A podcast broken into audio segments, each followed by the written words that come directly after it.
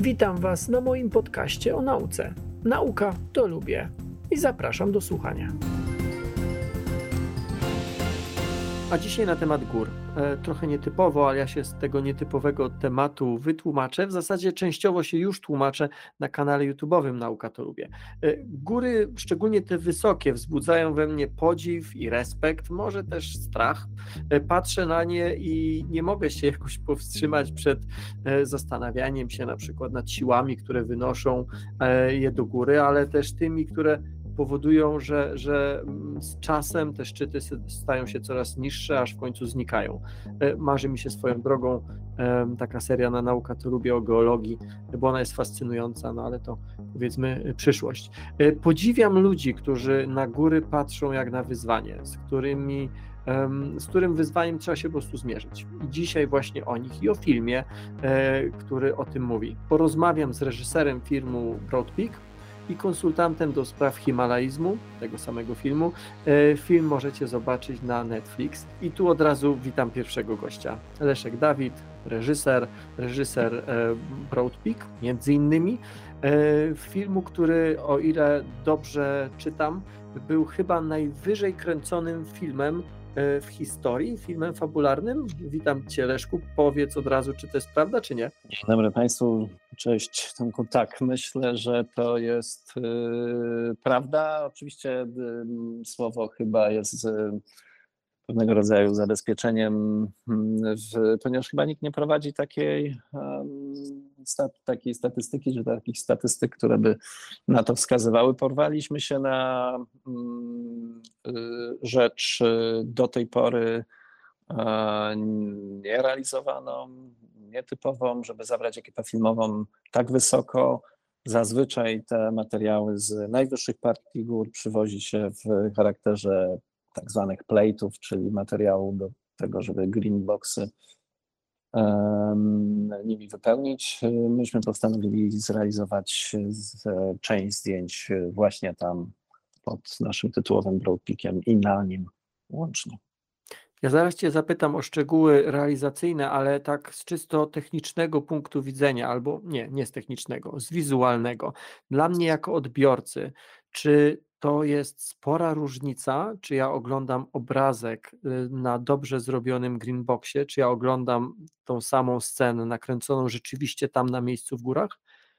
Tak, bo to nie jest kwestia definicji obrazka, która może być przy tej technologii jakoś chyba mm, całkiem niezła, nawet przy greenboxie, tylko on jest jaki, tylko to jest kwestia mm, pewnego poczucia prawdy, które z ekranu do, do ciebie trafia. I to jest y, to poczucie prawdy jest, składa się z iluś e, elementów, a przede wszystkim one przenosi się przez bohaterów i postaci, którzy inaczej funkcjonują jednak w plenerze, który jest e, prawdziwym wysokogórskim plenerem, a inaczej wtedy, kiedy stoją na łące, a za sobą mają rozstawiony greenbox i de facto muszą sobie wyobrazić e, ten rodzaj przestrzeni, zagrożenia czy czy czego jakkolwiek to nazwać, co, co jest w tle. Więc siłą rzeczy taki, taki plener zrealizowany jeden do jednego w postaci, która w tym plenerze funkcjonuje, daje kompletnie inny, inny obraz prawdy, uczucie prawdy. To w takim razie na jakiej wysokości, na jakiej najwyższej wysokości był ten film realizowany? Weszliśmy do pierwszego obozu na Broad Peak, co oznacza wysokość 5,5, 5,600. No tam weszliśmy na, na, na, na, na obozu, trochę powyżej. W związku z tym e, to są, to są takie wysokości 5600. Na tych wysokościach też były grane sceny z głównym odtwórcą? Czy z Irkiem były na 5300 bodajże. Natomiast 5600 y, to były dublerskie sceny. Irek wszedł na 5300 bądź 5400, jakoś tak. Ty chodzisz w ogóle po górach takich wysokich? Teraz nie chodzę z racji zawodu, który uprawiam, e, bo nie mam na to czasu. Natomiast kiedyś się wspinałem i robiłem to często. Kiedyś, to znaczy w mojej młodości na studiach, tak. Czyli rozumiem, że to, że zdecydowałeś się na ten temat, to była kwestia trochę powrotu do tych czasów, kiedy po prostu sam się wspinałeś, czy ta konkretna historia jakoś cię szczególnie złapała za serce? No bo tak się zastanawiam, no ciekawych, czasami tragicznych historii jest bardzo dużo, a ty akurat się zainteresowałeś tą konkretną. To jest raczej taki hmm, inaczej. W szkole filmowej zrealizowałem film górski, by poszukać odpowiedzi, dlaczego ludzie robią to, co robią, czyli spinają się. Hmm, I w pewnym sensie dotarłem do ściany i pomyślałem sobie, ok, jeśli ktoś kiedyś mi powie, że mam zrobić film górski, to to, to, to, to, to, na szyb, to, to, to na pewno nie przyjmę tej propozycji albo na pewno o tym nie pomyślę. I po dwudziestu paru latach spotkałem się z Maćkiem Żończyńskim, jego bratem Krzyśkiem Żończyńskim, którzy nie wiedząc oczywiście o tym moim wewnętrznym mm, mm, mm, przekonaniu co do tego, że o górach nie należy w filmie opowiadać, spotkali się ze mną i mówią, powiedzieli mi, że słuchaj, może byśmy tak zrobili film o Broad Peaku. I wtedy uruchomiło się we mnie coś, co jest jakimś rodzajem takiej mm, przekory, że skoro ten temat do mnie przychodzi, a ja jestem już 20 parę lat starszy doświadczeniem i rodzajem perspektywy spojrzenia na te góry, to może właśnie po to, żeby e, podjąć się tego wyzwania, właśnie wiedząc, że zrobić film o górach jest bardzo trudne albo prawie niemożliwe, więc robię coś, co wydaje mi się po prostu z góry skazane na porażkę i strasznie mnie to jakoś e, kręciło. No dlaczego mówisz, że to takie przekonanie wewnętrzne, że zrobić e, dobry film o górach jest, e, jak powiedziałeś, albo bardzo trudne, albo niemożliwe? Czy to wynika mhm. z tego, że po prostu ci, którzy naprawdę widzieli to na własne oczy, widzą to inaczej niż w filmie, a ci, którzy oglądają film, najpewniej nigdy w takich miejscach nie będą? Myślę, że składa się na to kilka rzeczy. Jedna to jest y, oddanie pewnego rodzaju przeżycia, które jest bardzo jednostkowe i w pewnym sensie duchowe do którego strasznie trudno dotrzeć. Druga rzecz to jest rodzaj mozołu wspinaczki, to znaczy za każdym razem, kiedy próbuje się uatrakcyjniać fabularnie, budować jakieś napięcia dramaturgiczne, zwroty akcji, generalnie budować fabułę, to, to jest jakimś rodzajem naciągania tego, co w tej, tej, tej naciągania na opowieść, a najistotniejsze w tym wspinaniu jest po prostu sama taka obecność bardzo mozolne zdobywanie wysokości i w pewnym sensie mierzenie się z taką wewnętrzną słabością, którą ma różne imiona i różne nazwy, ale którą trzeba w sobie pokonać, żeby znaleźć się w miejscu e, niedostępnym. I trzecia rzecz to są, to jest, to jest urok gór, który opowiedziany tak wprost, jak się stawia kamerę czy aparat, no to po prostu mamy, to chyba wszyscy mamy takie doświadczenie, że z jakiegoś pleneru, który nam się bardzo podoba, zrobione zdjęcie oddaje raptem jedną trzecią tego, co czujemy, będąc tam i tego, co chcielibyśmy przekazać, robiąc takie zdjęcie. Więc suma tych rzeczy sprawia, że, że mówię, co mówię o tym, że to jest trudne albo niemożliwe, a do tego jeszcze dochodzi to doświadczenie mojego szkolnego filmu, w którym starałem się znaleźć odpowiedź na pytanie, dlaczego ludzie to robią. Wtedy jeszcze naiwnie wierzyłem, że jako filmowiec mam narzędzia do tego, żeby znaleźć y, odpowiedź na to pytanie. I zrozumiałem, że tym doświadczeniem szkolnym zrozumiałem, że to jest niemożliwe, że tego, tej odpowiedzi nie znajdę. I to jest kolejna rzecz, która mówi o tym, że może się po prostu nie należy zabierać za szukanie tej odpowiedzi, bo i po co, jak się nie znajdzie. Ja za, na koniec naszej rozmowy zadam Ci i tak to pytanie, dlaczego Twoim zdaniem ludzie robią takie rzeczy. E, ja zadam to pytanie mm, też Jackowi, z którym za chwilkę będę rozmawiał, ale zanim o tym, e, w zasadzie temat sam wywołałeś, czyli temat takiego mm, dodawania na potrzeby historii pewnych wątków.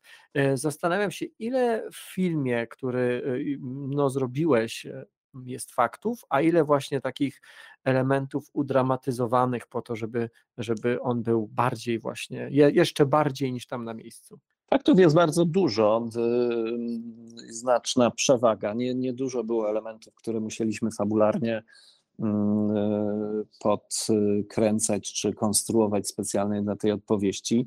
No, najtrudniejsza była decyzja dotycząca wyboru, czyli z 25 lat mamy mm, półtorej godziny, żeby opowiedzieć te 25 lat, więc które elementy, które momenty z tego mm, okresu są najważniejsze. Więc siłą rzeczy nie udało nam się opowiedzieć o wielu faktach, o wielu okolicznościach, w których funkcjonował Berbeka, mm, bo nie było na to czasu.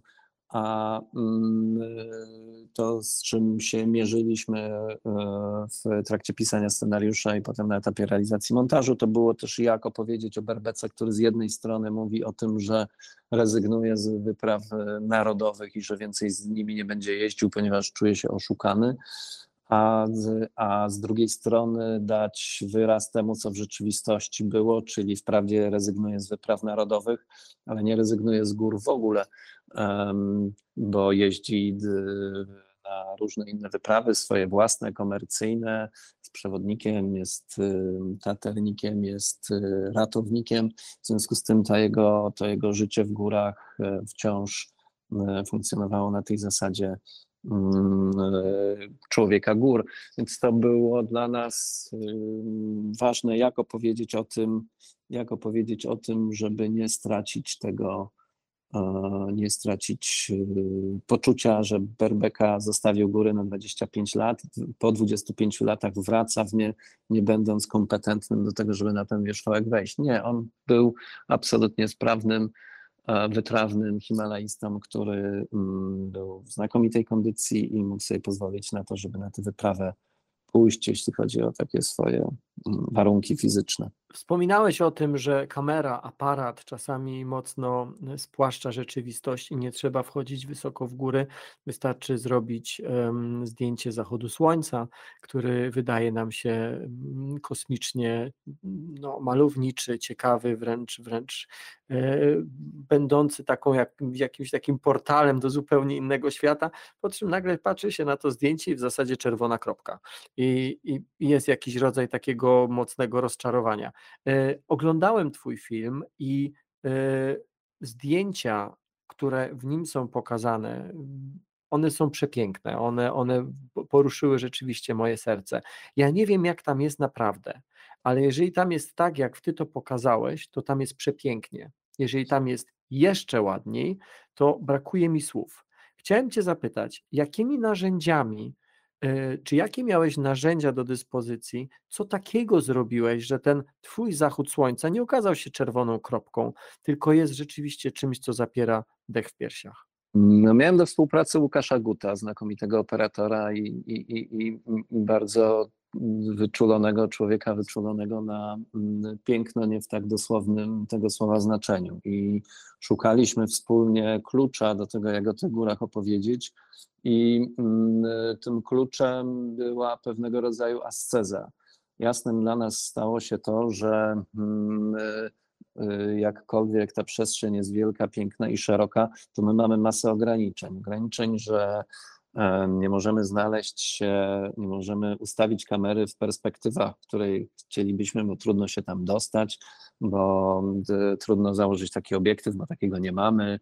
E, no i w ogóle trudno to wszystko objąć. W związku z tym decydujemy się na to, żeby inscenizować ten film tak, jak nam góra pozwoli. W związku z tym, jakkolwiek to brzmi e, ideowo, to takie było nasze założenie, żeby zrobić ten film na warunkach góry, czyli gdzie nas góra wpuści, gdzie nam pozwoli tę kamerę postawić w związku z naszymi oczekiwaniami, że chcemy tam, ona mówi, nie, nie, tam to się nie da, ale możecie sobie stanąć tu, czyli możecie dojść dotąd, mm, no to, że na to się zgodzimy i z pewnego rodzaju pokorą przyjmiemy tę perspektywę, którą, które, którą nam daje. I ta asceza w takim, w takim byliśmy konsekwentni w tej ascezie i filmując sytuacje górskie związane z naszymi bohaterami, to temu się y, podporządkowaliśmy i stwierdziliśmy, że tak, że nie opowiemy tej historii, jakbyśmy kręcili na Greenboxie, to by były krany, byłyby ustawienia kamery z dołu, z boku, z góry, z profilu w szerokim, wąskim planie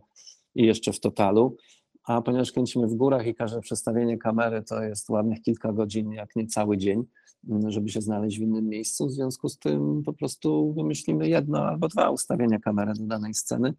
I ta oszczędność wydaje mi się, że jest szansą na to, żeby zobaczyć piękno tych gór, ponieważ nie, nie ubarwiamy ich y, dodatkowo ilością, nie, znaczy ubarwiamy piękno tych gór ilością ustawień, nie idziemy w ilość, tylko w głębokość przeżycia jednego ustawienia, jednego ujęcia, które może trwać i na poziomie tej kontemplacji, zanurzenia się w to możemy coś zyskać. Mieliśmy do dyspozycji też dron, który pozwalał nam na to spojrzeć też oczywiście jeszcze z innej perspektywy i to było bardzo e, dobre doświadczenie, bo dla nas też nowe. Dron wznosi się na taki poziom, dla którego nie mamy pojęcia, co zobaczymy. Ale i tutaj też są ograniczenia, to znaczy dron ma pewną wysokość, do której wleci i powyżej już nie poleci. Jedna z prób zbicia się nad Broad Peak, żeby przelecieć nad granią szczytową, skończyła się um, utratą kontroli nad dronem i w sensie bateria padła i straciliśmy nad nim kontrolę i nam zleciał. Na szczęście zleciał e, blisko nas, więc odzyskaliśmy materiał, który zrealizowaliśmy. Część z niego jest w filmie i, i to są piękne ujęcia, mm, ale no, powiedziano nam, góra nam powiedziała, dobra, że już chłopaki nie latajcie. Już raz nie mm, puszczę. A czy ty tak byłeś w tych miejscach, zanim pojechałeś tam z ekipą? Czy te miejsca były zdokumentowane tak, jak się normalnie dokumentuje plany zdjęciowe? Czy pojechaliście um, i po prostu dostosowaliście do tego, co zastaliście na miejscu? No, kręciliśmy w Karakorum i w Alpach. W Karakorum e, nie mieliśmy szansy być wcześniej, bo jednak organizacja takiej wyprawy to, to, to znaczne środki. W związku z tym połączyliśmy rekonesans ze zdjęciami. Przygotowaliśmy się na, do tego na poziomie takich przeglądania nagrań, przeglądania map, bardzo rzetelnie. Z rok wcześniej z Broad Peaku, czy dwa lata wcześniej, nie pamiętam, niż myśmy realizowali, zjeżdżał z Broad Peaku mm, Jędrek Bargiel na nartach i tam z tej jego ekipy Piotrek Pawlus przywiózł masę materiału, takiego wideo, w którym przeglądaliśmy tam, co jest możliwe, co gdzie i jak to wygląda. W związku z tym mieliśmy jakiś, jakiś ogląd tej sytuacji, to było jedne. Mm, a w, i w Karakorum jechaliśmy po prostu i kręciliśmy zdjęcia od razu. Natomiast w Alpach realizację poprzedziliśmy e, dokumentacją bardzo rzetelną. Zwiedziliśmy bardzo dużo różnych miejsc, szukając charakteru Karakorum, szukając w jednym miejscu kilku formacji, które były nam potrzebne, co przysparzało nam sporo kłopotu, bo potrzebowaliśmy a to grani, a to grani szczytowej, a to ściany, a to uskoku, szczeliny, a to bazy podlodowiec, więc zgranie tego wszystkiego w jednym miejscu było szalenie trudne, ale też niezbędne, bo jak już pojechaliśmy w Alpy, to mieliśmy naprawdę kilka ton sprzętu i kilkadziesiąt osób i przerzut tego całego Majdanu z tym całym towarzystwem niestety, czy stety, zajmowałby strasznie dużo czasu i nie mogliśmy sobie na to pozwolić, żeby się przerzucać z miejsca na miejsce, więc znaleźliśmy wszystko w okolicach szczytu Mont Blanc i pod nim i, pod, i na samym wierzchołku też kręciliśmy te zdjęcia częściowo w. Wspominałeś o sprzęcie, to pozwól, że Cię zapytam o sprzęt. Czy ten sprzęt, który braliście, czy on różnił się jakoś bardzo od y, analogicznego sprzętu, którym robi się filmy powiedzmy na nizinach? Czy to był jakiś sprzęt specjalny, czy, czy te kamery, oświetlenie, mm, czy urządzenia nagrywające dźwięk były po prostu takie, z jakich korzystasz normalnie przy kręceniu filmów? Każdy z tych sprzętów trochę osobno trzeba potraktować. Kamery były uszczelniane specjalnym smarem.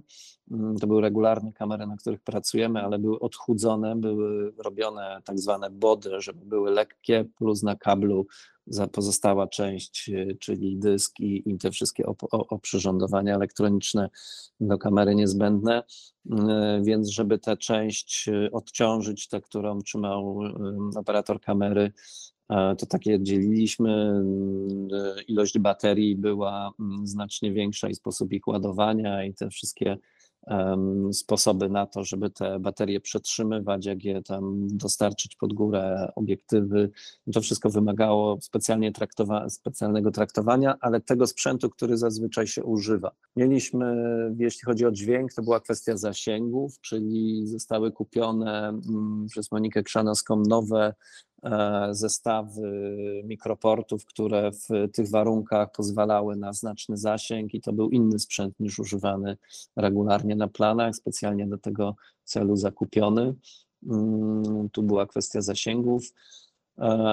W kwestii światła to oczywiście ograniczaliśmy się do minimum, bo świeciliśmy tylko w nocnych y, scenach, więc tu byliśmy ograniczeni miejscem, w którym mogliśmy użyć jakiegoś y, generatora prądu lub korzystać z prądu ze schroniska, ale to też raczej były duże jednostki i takie, które się, duże jednostki przy schronisku i takie, które używa się w regularnych produkcjach, plus jakieś rozwiązania mobilne, ale nic, co byłoby szczególnego dla tej wyprawy. Natomiast to, co było szczególne, to, to, taka, mm, to taki sprzęt przygotowany przez Szymka Kapeniaka, naszego szefa od e, efektów specjalnych. I Szymek przygotował kamerę w, i aparat w jednym, e, którą wyposażył w rodzaj sterowania, mm, po to, żeby można było tę kamerę zostawić na wierzchołku Broadpeaku i zrealizować nią zdjęcia i wideo wtedy, kiedy nikogo tam nie powinno być, czyli wtedy, kiedy można byłoby sterować tym z, z niższych obozów, no bo potrzebowaliśmy zdjęcia o zachodzie słońca, mm, a wtedy, wtedy y, nie chcieliśmy narażać nikogo z naszych Himalajstów na to, żeby o, o, o zachodzie słońca jeszcze był na wierzchołku, bo to by oznaczało znaczne kłopoty przy zejściu. Powiedziałeś chyba dwa razy w czasie naszej krótkiej rozmowy, że e, film nie udzieli odpowiedzi na pytanie, dlaczego oni to robią, dlaczego oni tam wchodzą. A ja chciałem Cię zapytać o Twoją prywatną odpowiedź. Wspominałeś o tym, że jako młody człowiek e, wchodziłeś, e, teraz też oczywiście uczestniczyłeś w wyprawach dwóch, bo i, i w Himalaje, i w Alpy. Jaki jest Twój pogląd na ten temat? Co Tobie intuicja podpowiada? Dlaczego oni tam wchodzą? Ten film zrobiłem po to, żeby właśnie opowiedzieć, jak bardzo indywidualne motywacje są do tego. I przyglądając się jednej z nich, mówimy o tym, że ten rodzaj niezałatwionej sprawy, niezamkniętego rozdziału w, pod tytułem Broad Peak drzemał w Berbece tak długo, że, że, że, że, że musiał tam wrócić i i go dokończyć. I ten paradoks takiego balansowania między życiem a śmiercią, życiem, które jest nacechowane pewnym niespełnieniem, pewną sprawą do załatwienia, mm, którą jeśli załatwiasz, to, to cię jednocześnie unicestwia, coś mnie w tym bardzo pociąga i, i tak jako bardzo złożony jednak proces widzę to nasze obcowanie z górami, mm, a jak powiedziałem, bardzo specyficzny y, sposób każdy z ludzi motywuje to inaczej. Więc y, ten film jest y, też opowieścią o tym, że każdy ma swoje motywacje i nie da się znaleźć jednej generalnej zasady, która by to porządkowała. Czy ten film to jest dla Ciebie definitywne zamknięcie tematu gór, czy raczej otwarcie drzwi mm, i możemy się spodziewać kolejnych górskich tematów? Chętnie zamknę ten rozdział nie dlatego, żeby się wyczerpał, ale dlatego, żeby eksplorować, myślę, też e, inne, e, inne, e, inne rejony opowieści. Mogę oczywiście to odszczekać, jeżeli znajdę jakiś powód i pretekst, żeby z historią znaleźć się w górach ponownie, ale w takim, w takim wymiarze tak ekstremalnej wspinaczki, w sensie ośmiotysięczników, to chyba nie będę powtarzał. Super to była przygoda i nie dlatego, żebym miał jej dosyć, wręcz przeciwnie, tylko też e, to, lubię w życiu wyzwania i nie chciałbym się stać specjalistą od e, filmów górskich, tak jak nie chciałbym się stać specjalistą od e, hip-hopu i żeby teraz robić filmy, które są zorientowane wokół jakiegoś jednego tematu.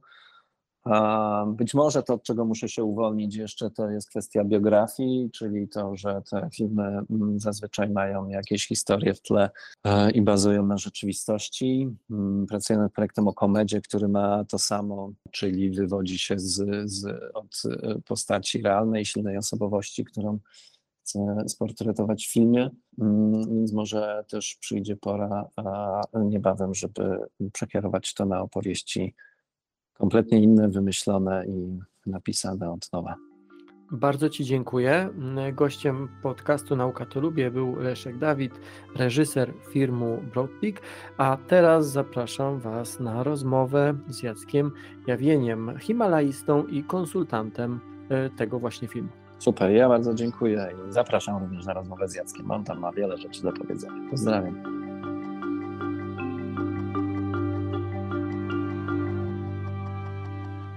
Moim drugim gościem, e, gościem na podcaście na kanale Nauka to Lubię jest Jacek Jawień. E, pochodzi z Tychów, czyli już blisko gór w sumie. Jak jest dobra pogoda, to z Tychów widać góry. E, uczestnik, zdobywca szczytów, uczestnik wielu wypraw, w tym wyprawy poszukiwawczej na Broad Peak, ale ja z Tobą, Jacku, chcę porozmawiać dlatego, że Ty byłeś konsultantem filmu Road Peak, który możecie zobaczyć na Netflix. E, zanim o samym filmie, mm, nie, nie, jesteś konsultantem, który w krawacie siedzi i konsultuje, tylko ty po prostu po tych wysokich szczytach chodzisz, po tych wysokich górach chodzisz, je zdobywasz. Dla mnie, jako osoby, która patrzy na takie wysokie szczyty z podziwem, ale też z przerażeniem, pojawia się zawsze takie pytanie: po co wy to robicie?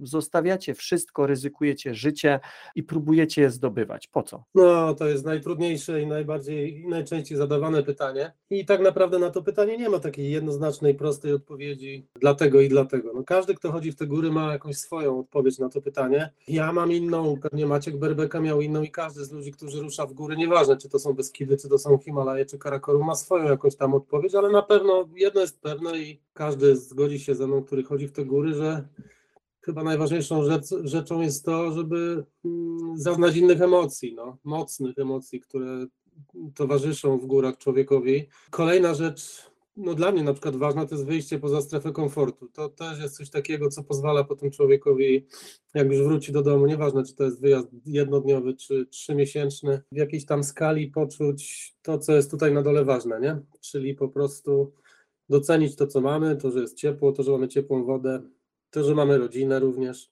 Ale to tak jak mówię, każdy ma, że tak powiem, swoje jakieś. Ale czy w tym nie ma jakiegoś głębokiego paradoksu, bo mówisz, że e, także po to, żeby docenić to, co masz tutaj, ale ty ryzykujesz życiem, czyli ryzykujesz tym, że to wszystko, co masz tutaj, stracisz. No tak, ale ryzyko i życie jest połączone razem ze sobą. No nie da się po prostu iść do przodu bez ryzyka. I wszystkie te wielkie wyprawy, już nie mówię górskie, w ogóle wyprawy eksploracyjne, no były, to było jednoczyste wielkie ryzyko. Bez ryzyka nie da się nic zrobić. Jest tylko pytanie po prostu na jak duże ryzyko sobie możemy w tych górach po, pozwolić. I I to jest jakby też mm, kluczowe pytanie. To nawet nie po co wchodzimy, po co chodzimy w te góry, tylko jak bardzo w tych górach jesteśmy w stanie zaryzykować. A czasy mamy też takie, że tyle rzeczy już na świecie zostało zrobionych, w górach szczególnie, że bez dużego ryzyka, no nic nowego, nic takiego powiedzmy, co mogłoby się zapisać w historii, nie da się zrobić. No po prostu trzeba zaryzykować. Czy w tym się można zatracić, zgubić jakąś, jakąś, jakąś, nie wiem, jakiś taki balans pomiędzy właśnie tym ryzykiem, które możesz podjąć i które jest, no, podejmując, no, jest to jakoś tam powiedzmy uzasadnione, ale wciąż jednak jesteś po tej dobrej stronie. Czy znasz wielu takich, którzy się zatracili, już przeszli na tamtą stronę? Nie mam na myśli tutaj śmierci, bo pewnie takich też oczywiście znasz, ale chodzi mi o to nadmierne ryzyko. Tak, oczywiście, że tak. E, ja myślę, że to jest trudna granica żeby przede wszystkim ją dostrzec, zobaczyć, ale też trudna granica, którą sobie, którą, którą człowiek sobie wyznacza. No. Znam takie przypadki, że życie tutaj powiedzmy na dolinach przestało być dla, dla niektórych życiem, tylko właśnie życie było tam w górach, a to, co działo się tutaj, było tylko przerywnikiem, przygotowanie do kolejnego wyjazdu. No ja nigdy nie chciałem w, takiej, w taką stronę pójść, żeby po prostu będąc tu na dole myśleć już zaraz dzień po powrocie, gdzie się pojedzie dalej. Raczej staram się szukać jakiegoś takiego balansu i wtedy jadę w góry, kiedy mi jest to naprawdę potrzebne e, dla siebie, ale bardzo łatwo się zatracić i sporo znam takich przypadków. No oczywiście część z nich skończyła się tragicznie, że no, że to było takie mm, rozjechanie tych, tych właśnie wartości, może nie wartości, ale rozjechanie tych, tego balansu. No, balans po prostu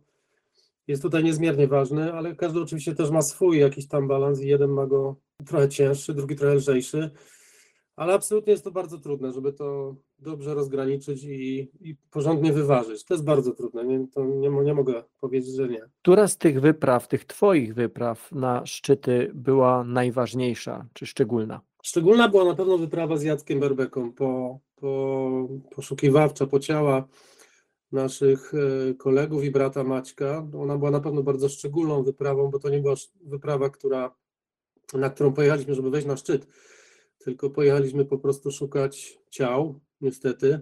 Więc ona na pewno była bardzo szczególna, ale absolutnie najbardziej taką wyjątkową i najważniejszą wyprawą dla mnie to była zimowa wyprawa na K2 i to w 2001 roku i ta wyprawa rzeczywiście dla, na, na mnie zrobiła bardzo duże wrażenie i dużo zmieniła w moim życiu. E, no z wielu względów, no była bardzo długa, myśmy ponad trzy miesiące spędzili w górach, e, bardzo dużo się tam działo. To było strasznie daleko, bo myśmy byli w, od strony chińskiej, czyli w Ujguri. Sama karawana trwała dwa tygodnie, żeby dojść do bazy. Poza tym to była zima, no, czyli cały czas zimno. A przez większość wyprawy nie mieliśmy w ogóle słońca, słońce się pojawiło dopiero gdzieś tam w połowie lutego, że wyszło spoza grani. Także to była taka najważniejsza wyprawa, aczkolwiek tak jak mówię, ta wyprawa z Jackiem Berbeką była absolutnie szczególna i ona też mocno wpłynęła na, na moją psychikę, no nie ukrywam. Z tego, co opowiadasz, z tego, co można czasami wyczytać, czasami zobaczyć w jakichś filmach, wspinanie się, zdobywanie takich szczytów to jest jak wejście w zupełnie inny świat. I w zupełnie inny nie tylko ze względu na widoki czy temperatury, ale także na zachowanie, na cały rytm dnia. E, w największym skrócie, jak wygląda taki dzień e, podczas wyprawy? No w ogóle wspinanie zimowe, no dość dużo, bo byłem na czterech wyprawach zimowych, to w ogóle jest zupełnie inna bajka, dlatego że jest takie fajne też powiedzenie, że już będąc e, w obozie u góry, czy to jest pierwszy, drugi, trzeci obóz, nie ma znaczenia, wspinacz rano wstaje, rozbiera się i już jest ubrany do wyjścia. I tak trochę jest, że wieczorem, żeby przetrwać noc, gdzie jest poniżej 40 stopni e, na zewnątrz, a w zasadzie w namiocie też, no bo cóż, ta ścianka namiotu niewiele niewiele chroni. Ten palnik y, gazowy, który gdzieś tam, mm, na którym się coś tam przygotowuje do jedzenia, do picia, to on tam wiele temperatury nam nie podgrzeje w tym namiocie, ale trzeba na siebie ubrać wszystko, co się tylko ma, czyli kombinezon puchowy i, i śpiwór na siebie, jeszcze jakieś dodatkowe ubrania, kurtki, wszystko musi się w tym śpiworze znaleźć, dlatego to jest takie przedziwne, że rano się można, trzeba rozebrać i już się z ubranym ale większość tego czasu na wyprawach zimowych się niestety przeczekuje. Przeczekuje się po prostu złą, złą pogodę i czeka się na tak zwane okna pogodowe, żeby po prostu w miarę e, sprzyjającej pogodzie, to, to nie znaczy, że ona jest świetna, tylko nie jest aż tak zła, żeby zrobić, zadziałać, podejść do góry, zaporęczować, zaopatrzyć obozy, przygotować je, zaaklimatyzować. No tak to wygląda. Tak generalnie to jest cały czas walka z zimnem bo zimno jest cały czas. No tylko i wyłącznie w nocy, wieczorem, gdzieś tam, jak człowiek wejdzie, to po godzinie w śpiworze jest, jest mu ciepło. Tak cały czas to jest walka z zimnem, więc e, wątpliwa przyjemność.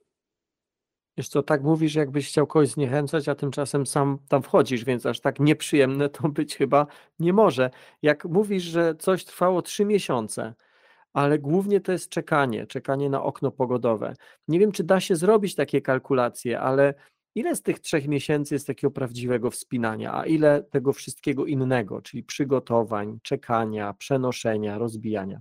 No, takiego prawdziwego wspinania ja myślę jest kilkanaście dni, bo to jest mm, na każdej w zasadzie wyprawie jest kilka wyjść w góry. Trzy, cztery, może pięć, no sześć to już jest naprawdę sporo i to są wyjścia, które trwają no na początku jeden dzień, potem dwa dni, potem trzy, potem cztery, no wiadomo, się to obozy zakłada coraz wyższe, coraz wyższe, ale też człowiek się aklimatyzuje, więc działa coraz szybciej, jest w stanie w krótszym czasie dotrzeć do danego obozu i szybciej zejść. E, ale tak jak mówię, no tych dni takich typowo wspinaczkowych jest w czasie wyprawy kilkanaście, a cała reszta to jest dojście, przejście, przygotowanie, założenie, część czekania, potem czekanie na powrót bardzo mocnym tutaj elementem jest logistyka, nie? czyli to, żeby to wszystko przygotować, żeby o niczym nie zapomnieć, żeby w odpowiednim momencie odpowiednie czynności wykonać.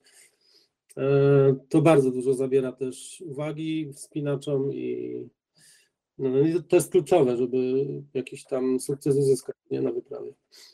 No i teraz do tego, do, do tego długiego łańcucha różnych e, przygotowań, różnych, różnych, e, no tak jak mówisz, tej całej logisty, logistyki, dokładamy jeszcze jeden element, czyli ekipę filmową. Mm, e, zostałeś, czy byłeś e, konsultantem ekipy e, filmu Broadpeak. Wspominałeś trochę o Macieju, wspominałeś o tym, że brałeś udział w wyprawie poszukiwawczej, ale czy to było tak, że ty się zgłosiłeś do reżysera, do ekipy filmowej? Czy to było tak, że oni się do ciebie zgłosili? Czy gdzieś na mieście, że tak powiem, usłyszałeś, że jest taki pomysł i sam ich wyszukałeś? Jak to wyglądało? Wyglądało to tak, wrócę jeszcze do początku tego, e, tego Twojego pytania, mianowicie mm, no ekipa filmowa oczywiście doszła, natomiast trzeba pamiętać, że myśmy na wyprawie w Karakorum, kiedy kręciliśmy zdjęcia do Broad byliśmy latem, więc w bazie pod Broad pod K2 byliśmy latem, więc to jest zupełnie co innego. To, to, to nie da się porównać do warunków zimowych w żaden sposób. E, oczywiście nie są to łatwe warunki sprzyjające człowiekowi, ale jednak jest dużo cieplej, jest dużo słońca, jest w ciągu dnia, potrafi być bardzo przyjemnie, można się poopalać, więc naprawdę są to warunki sprzyjające, e, ale oczywiście wysokogórskie, więc w nocy jest minus, są te wszystkie mm, problemy związane z wysokością, e, z słabym jedzeniem, z brakiem zieleni, co też jest ważne, siedząc ileś tam tygodni w bazie, gdzie nie ma nic zielonego, e, człowiekowi brakuje tego koloru trawy, lasu i tak dalej. Natomiast druga część pytania, no to jest tak, że ja przed, wypra ja przed wyprawą tą zimową na Broadpeak, na którą pojechali chłopcy i Maciek Berbeka też, byłem umówiony z Maćkiem Berbeką na wyprawę, na którą mieliśmy razem jechać kolejnego sezonu e, na jesień.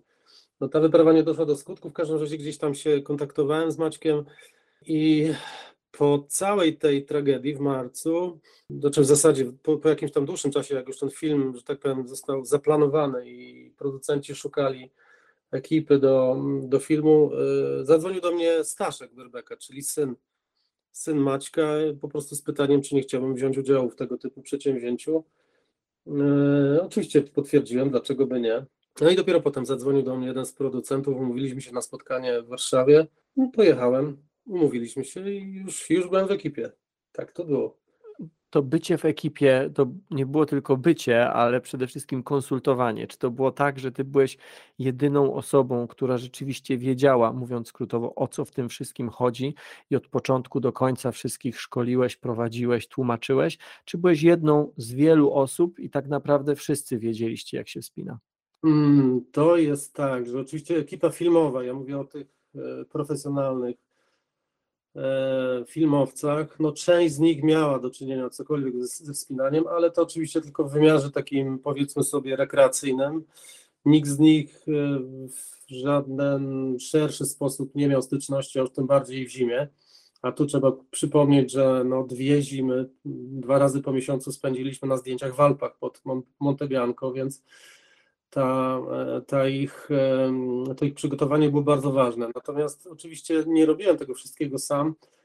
Ja zaprosiłem do współpracy sporo swoich e, kolegów, przyjaciół, którzy pomagali mi w tym wszystkim, żeby przygotować i ekipy, i aktorów. I oczywiście dzieliliśmy te zadania, te wszystkie wyjazdy szkoleniowe, e, czy w Beskidy, czy w Alpy, dzieliliśmy między siebie, no, no bo oczywiście nie dało się tego wszystkiego zorganizować przez jedną osobę, ale mm, koordynowałem to jakby i, i to ja miałem wpływ na to, kto, gdzie jedzie i kiedy. Oczywiście w kooperacji z produkcją to, to żeśmy wszystko ustalali.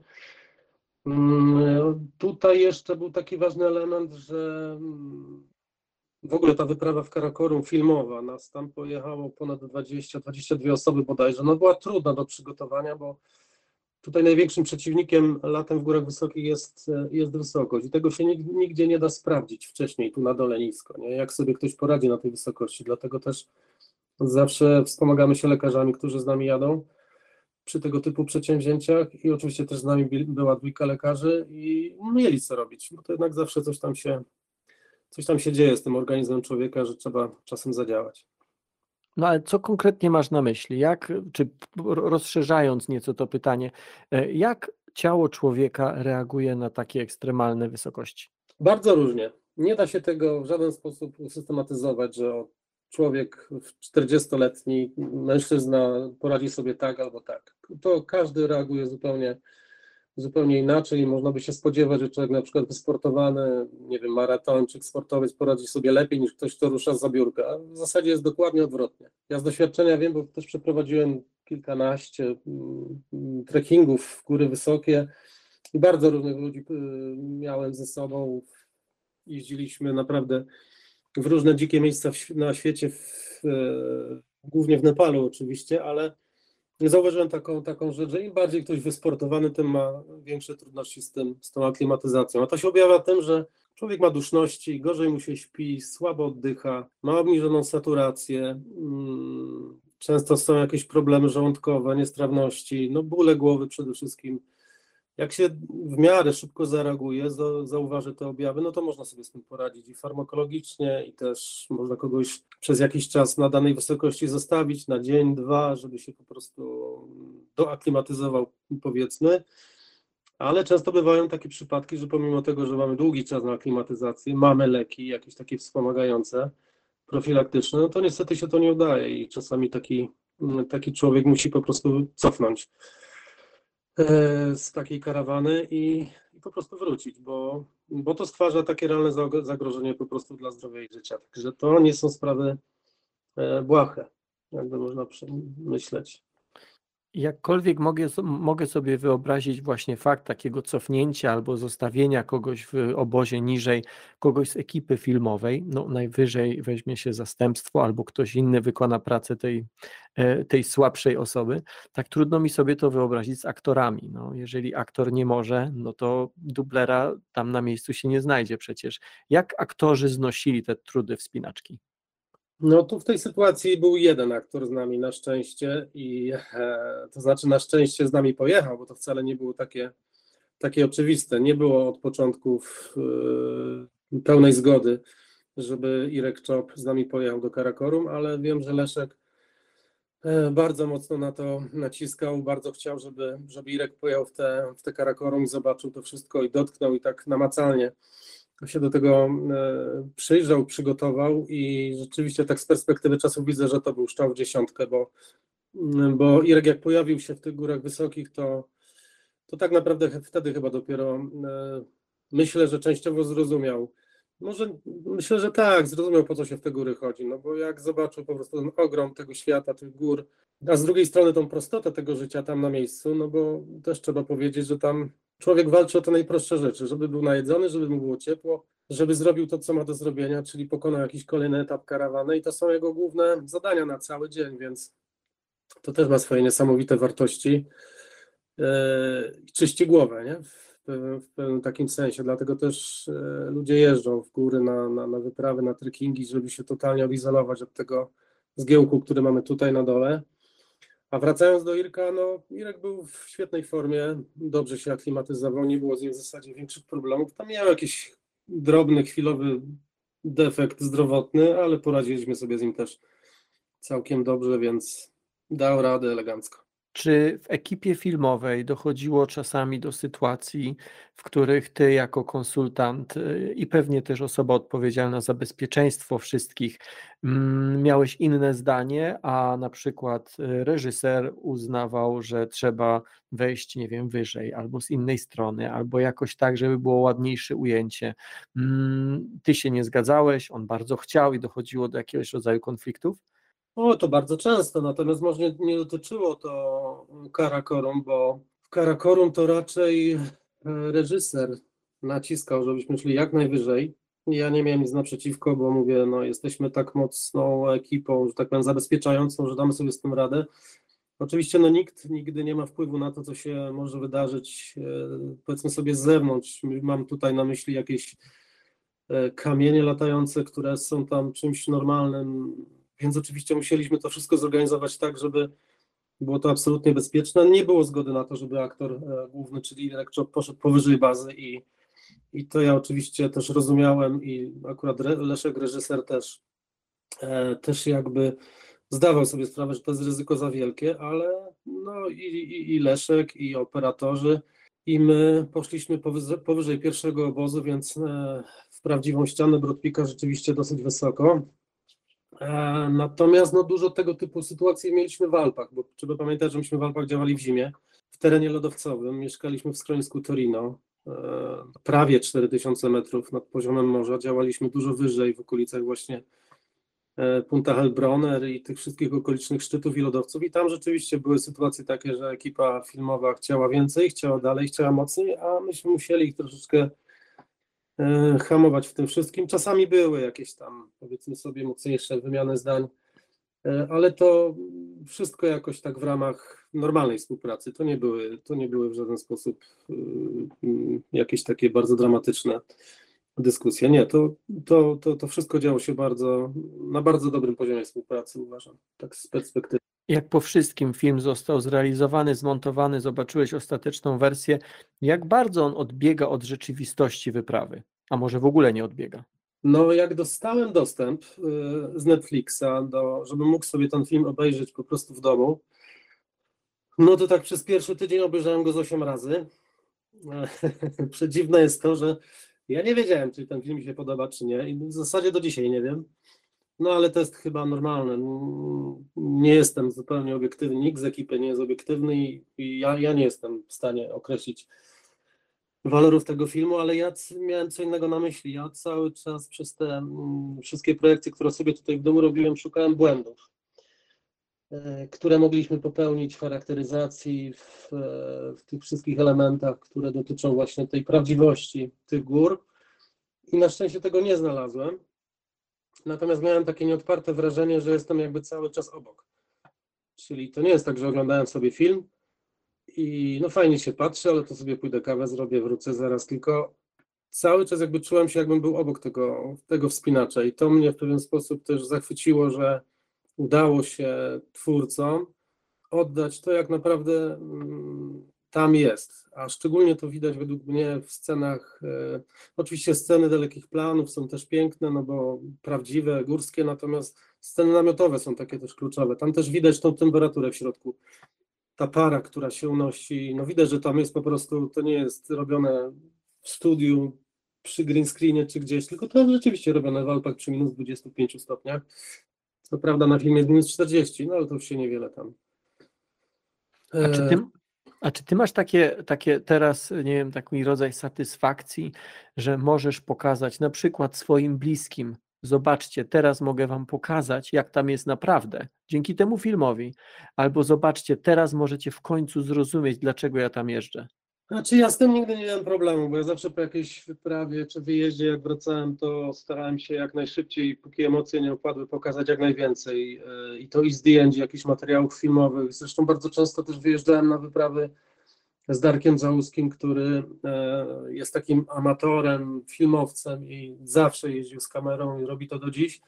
I z każdego wyjazdu mamy jakieś materiały filmowe, także sporo z tego typu wyjazdów i takich ciężkich momentów są po prostu sfilmowane, więc jakby moi bliscy znajomi mieli do tego dostęp, ale oczywiście satysfakcja jest, bo no nie jestem w stanie wszystkim dookoła pokazać, jak to tam w górach wygląda, a ten film oddaje to. Całą tą grozę, tego, tego ryzyka i, i, i, tego piękna też, nie? jak to tam wszystko wygląda i może ktoś dzięki temu zrozumie, po co się tam chodzi.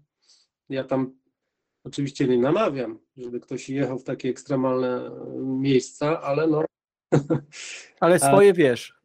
Tak, oczywiście. Gdzie teraz się wybierasz? Jaka kolejna wyprawa? No po tej pandemii, po tej wszystkim, to e, no, długi czas nigdzie nie byłem na wyjeździe. No mam nadzieję, że w przyszłym roku uda się gdzieś do Nepalu wyjechać, ale na pewno nigdzie na żaden jakiś taki wyższy czy, czy, czy, czy dłuższy wyjazd. Raczej marzy mi się jakiś taki po prostu powrót do Nepalu, żeby poczuć z powrotem atmosferę tych gór i jeszcze nie wiem gdzie, jeszcze nie wiem kiedy, ale na pewno, na pewno się wybiorę w tamte rejony. Bardzo Ci dziękuję za rozmowę. Bardzo Ci jako widz dziękuję za Twoją pracę, bo film jest rzeczywiście rewelacyjny. Ja nigdy nie byłem w bardzo wysokich górach. Zawsze chciałem, jakoś nie było okazji. Może kiedyś się zdarzy okazja, ale mm, to, co powiedziałem na wstępie, że góry wzbudzają we mnie podziw i respekt, może też strach. Patrzę na nie może troszeczkę inaczej, właśnie dlatego, że, że, że nigdy w nich nie byłem, ale czuję ogromny szacunek i podziw do osób, które Mm, wchodzą na górę, jak powiedział jeden z Himalajstów, chyba brytyjskich, zapytany, mm, dlaczego on wchodzi na szczyty, a on odpowiedział, e, dlatego, że są. E, więc e, chyba tym zakończymy naszą rozmowę. Bardzo Ci dziękuję za, za ten czas spędzony razem. E, Was zachęcam do zobaczenia filmu na Netflixie, Broad Peak. Informacje o nowym filmie mm, znajdziecie też na moim kanale YouTube'owym Nauka to lubię. Tam jest film, który nie mówi o Himalajzmie, bo nie jestem Himalajistą, nie chodzę w góry wysokie, ale zaintrygował mnie jakiś czas temu problem obliczania wysokości szczytów górskich. Mówimy, że Broad Peak ma teraz popraw 8051 y, metrów nad poziomem morza. No i większość z nas przechodzi do porządku dziennego. No, wzięli poziom morza i zmierzyli tyle. Tyle tylko, że bardzo często szczyty górskie są oddalone od morza jakiegokolwiek o tysiące kilometrów. Poza tym poziom morza jest zmienny.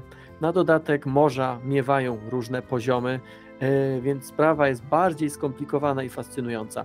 E, zapraszam e, Ciebie, Jacku, oczywiście też na Nauka to lubię. Dziękuję bardzo.